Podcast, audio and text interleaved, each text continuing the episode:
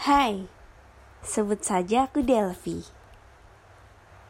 Um, rasanya nggak terlalu penting ya aku siapa. Yang terpenting adalah hadirnya kata berkata. Sebuah podcast yang kubuat untuk mencurahkan segala kata yang ada di angan. Semoga kata berkata juga bisa mewakili perasaan kalian, terutama yang gak sempat diceritakan.